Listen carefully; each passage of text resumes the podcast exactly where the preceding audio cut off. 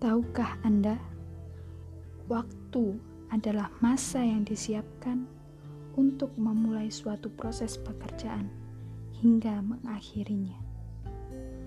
Ada waktu sholat, waktu puasa, waktu sekolah, waktu bermain, dan lain-lain, yakni masa yang disiapkan untuk memulai dan mengakhirinya.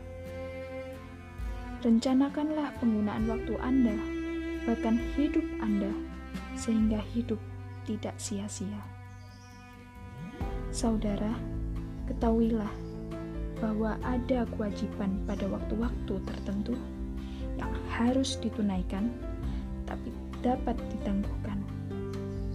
Ada juga kewajiban waktu-waktu tertentu yang tidak dapat diganti pada waktu lain, karena waktu yang datang pasti pergi tanpa kembali.